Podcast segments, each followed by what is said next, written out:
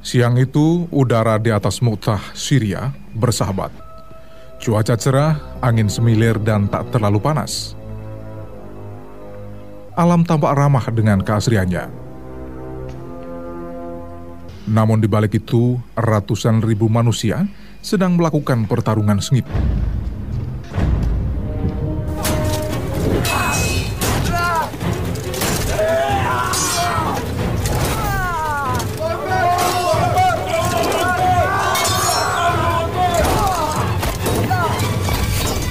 Tiga ribu pasukan Islam melawan seratus ribu tentara Romawi.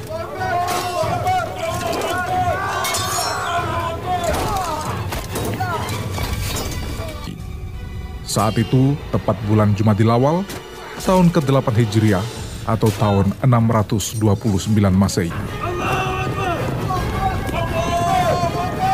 Mu'tah sedang menjadi medan pertempuran antara dua kubu yang berbeda iman.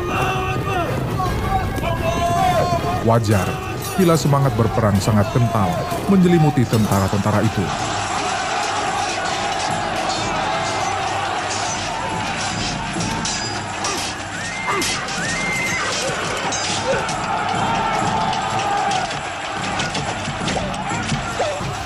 Bedanya, di kalangan tentara Muhammad, semangat berlandaskan keimanan akan agama Allah. Sedangkan di kalangan tentara Romawi, mereka dilambari semangat keduniawian, yaitu ingin meluaskan wilayah jajahan.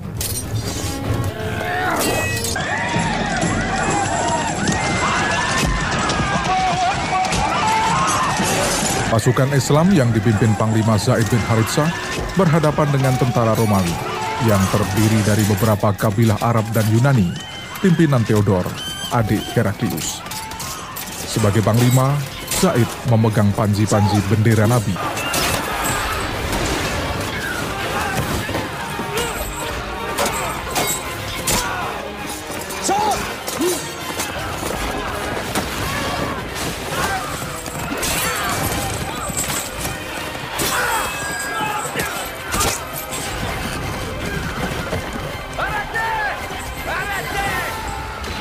mengibarkan bendera Nabi, Said bin Haritsah maju ke tengah musuh.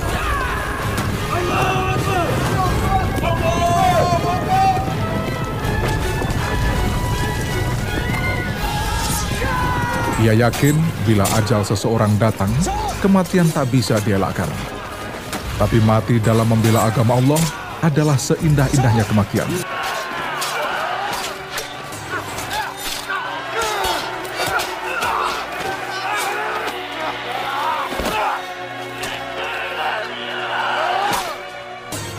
Di sinilah Zaid bertempur mati-matian hingga akhirnya tertusuk tombak musuh. Ja'far bin Abi Thalib yang ditugasi sebagai panglima kedua langsung mengambil alih bendera Nabi dari badan Said karena bendera itu tidak boleh jatuh ke tanah. Ia membawa bendera itu di tangan kanan sambil meneruskan pertempuran.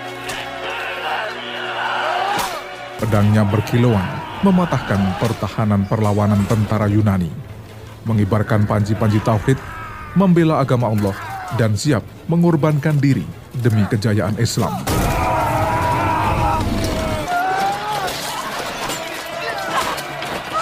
Dalam kepungan musuh itu, ia terus menerjang dengan ayunan pedang ke kiri dan ke kanan.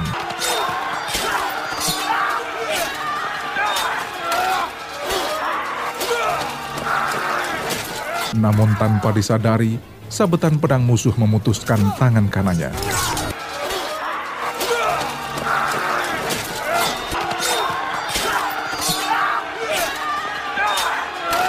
Tangan kirinya segera memegang bendera Nabi sambil terus berupaya menegakkan bendera itu ke langit. Kemudian sebuah sabetan pedang juga memutuskan tangan kirinya.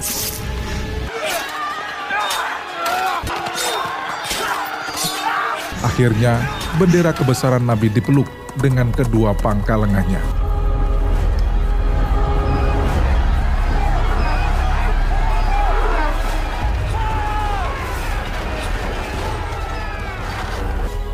Saat itulah Ja'far bin Abi Thalib menjadi bulan-bulanan musuh dan sebuah sabetan pedang tentara musuh membelah badannya.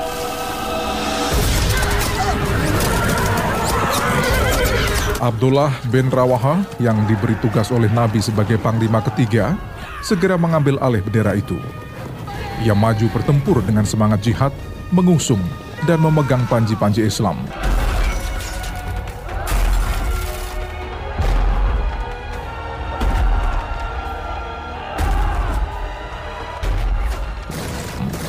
Namun, akhirnya dia juga tewas.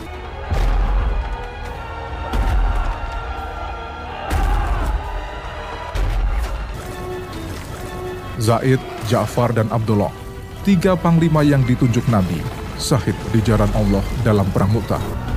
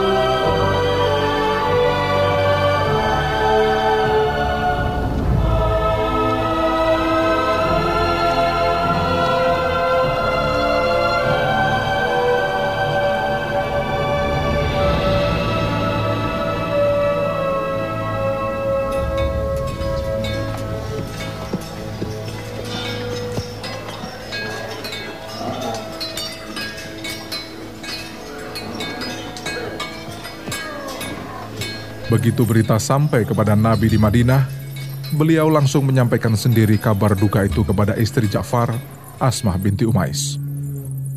Jenazah Ja'far dibawa ke Madinah dan dikubur di sana. Kedua tangan Ja'far yang terputus oleh Allah Subhanahu wa taala telah diganti dengan sepasang sayap yang menerbangkannya ke surga.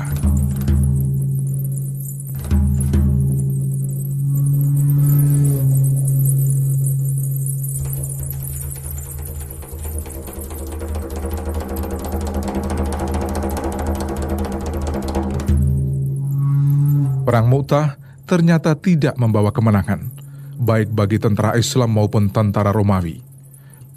Bendera Nabi kemudian diambil alih oleh Sabit bin Arhom, tapi ia mengaku tak mampu memimpin perang. Khalid bin Walid kemudian dipilih menjadi pemimpin tentara Islam. Menyadari kondisi pasukannya telah morat-marit dan kekuatan moralnya mulai kendur, ia mengulur waktu hingga petang dengan membuat insiden-insiden kecil. Malam harinya, kedua pasukan meletakkan senjata, menunggu pagi. Saat itulah Khalid bin Walid menyusun siasat perang. Pasukannya dipencar-pencar dalam jumlah yang besar, membentuk formasi garis memanjang.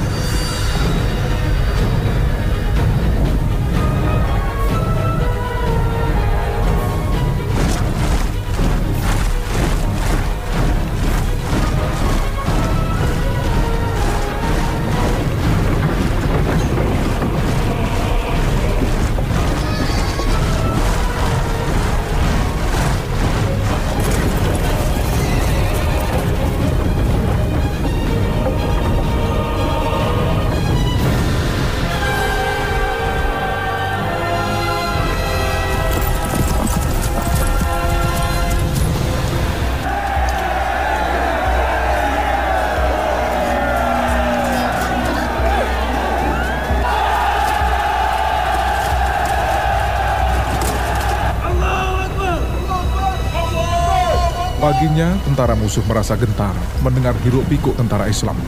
Mereka mengira bala bantuan telah didatangkan oleh Nabi Muhammad. Kalau sebelumnya dengan 3.000 tentara, mereka mampu membuat tentara Romawi kocar kacir, bagaimana dengan bala bantuan yang baru didatangkan itu? Karenanya, tentara Romawi mundur.